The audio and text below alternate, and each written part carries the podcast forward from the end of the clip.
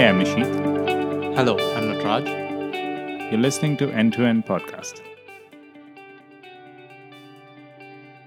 So, I personally use all of the apps like Uber Eats, Postmates, Grubhub, you name it, I have it.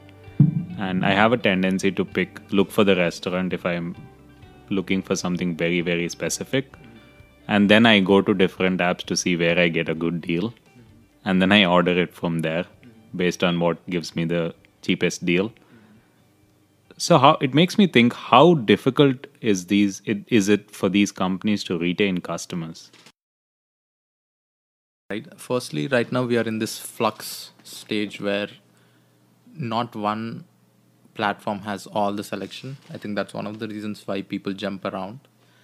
And they all don't have the same ability to ma- manage logistics because time is crucial, right? There will be, uh, for example, in China, every order is delivered less than 30 minutes, right? So in US, it's I think about 45 minutes on an average.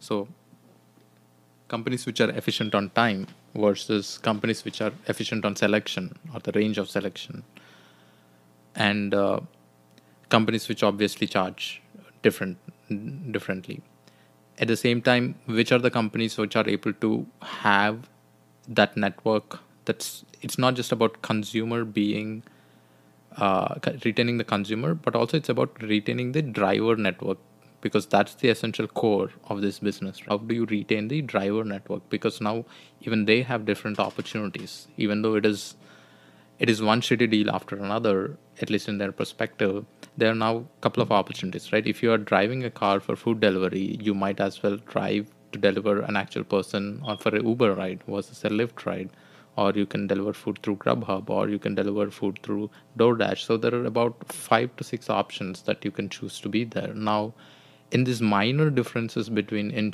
whether you're given, being given insurance whether you're getting paid $15 per hour or $8 per hour on and their experience of how the company treats the driver all these issues are basically core to how the driver experiences and and that is a big point when how how it affects the consumer experience. So the driver effect the driver experience is actually driving the consumer experience.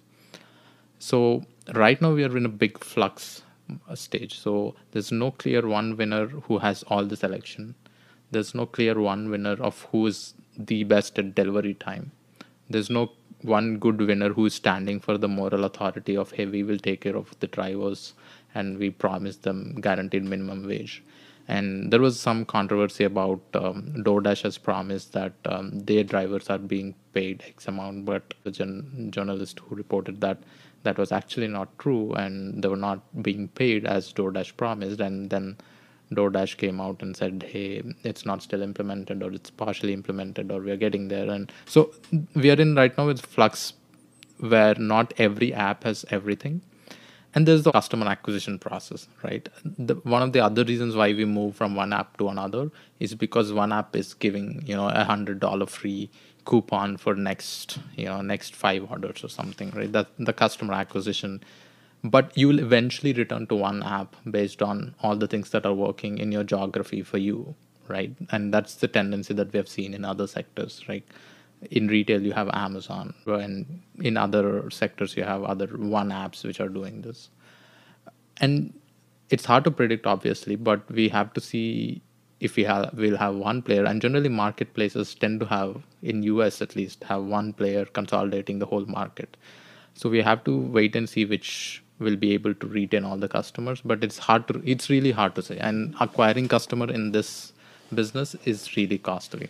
I've heard uber experienced a lot of issues around drivers and them trying to unionize uh, not having minimum wage not getting like benefits etc etc how do you see that impacting the food delivery uh, companies? Yeah i think that's right now a bigger problem for I mean it's not just a DoorDash issue or a Grubhub issue. It's it's not even just Uber Eats issue. It's Uber issue, it's Lyft issue, it's almost issue for how do we think about the whole gig economy, right? It's a broader issue and it's a conversation that we are having which is which extends beyond the whole food delivery business and I think last week uh, there was an article that came out where Uber and Lyft are promising a $21 minimum wage, which is much, much, much higher than the average national minimum wage. So we have to wait and see how that will happen. But right now, the situation is not as uh, not as promised. Not even so. Right now, a lot of uh, drivers that work for Uber or Lyft or Grubhub are not even earning minimum wage national level averages, which is like nine dollars or eight dollars. It's going to be tough to navigate because the way the economics of Uber are defined, or even uh, Uber Eats are defined, a major part comes from not paying the uh, driver, not treating the employer, not treating the drivers who are working for Uber Eats or Uber as an employer, but they're treated as contractors. And when you differentiate that segment, that's where the whole economics, the unit economics is coming from. Because otherwise, you would have to spend on their health insurance, your 401ks, and all the other employee benefits that you're legally obligated as an employer of a driver. That makes this business even much more capital intensive, right?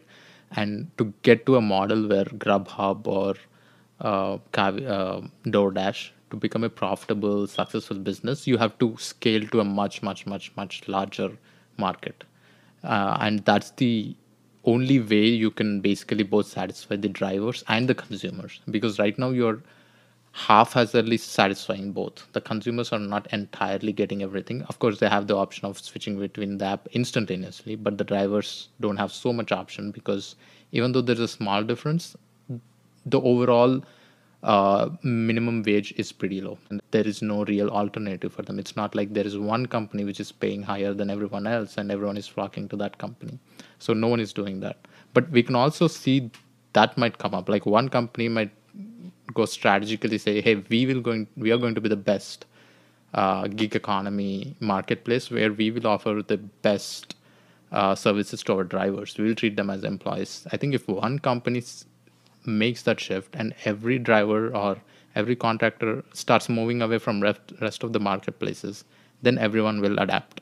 But this also means that it will take much more longer for these companies to become profitable and much harder to survive with how much capital intensive this business is. It will become much more harder for them to scale and survive. So it's a double-edged sword and we have to see how they'll navigate it but it's it's probably the number one issue right now in this business is how do you deal with uh, your logistic operators which are basically the business uh, drivers. One interesting thing that comes to mind is with drone delivery and companies exploring flying objects to deliver your food or like to deliver different packages how is that going to affect the labor and people who are working in this space as drivers and how far away are we from that? If you rephrase the question, like how would the autonomy affect this business, right? In a way that how, how would autonomous vehicles or autonomous technology will affect this business? I think it's it's going to be faster than autonomous car itself, because if you think about it, you can smash a pizza delivery drone, and you could there's no loss of human life, right? so it's it's a mistake that can be done. So for example if we when we talk about ai the it's easy and right now all the companies like the google car tesla general motors all have autonomous technology which is 99% accurate. It will deal with the 99% scenarios. But where do the actual accidents happen? They happen in the 1% right and that is the risk. That's why we're why tesla doesn't suggest you to completely run your car on autopilot mode because that's those 1% persons are the ones which are the most risky. And it's always that ra- it, it, people always refer to it as race to the nines because you you need to get 99.9 to 999 and the race goes on because every point is so crucial because human lives are at stake.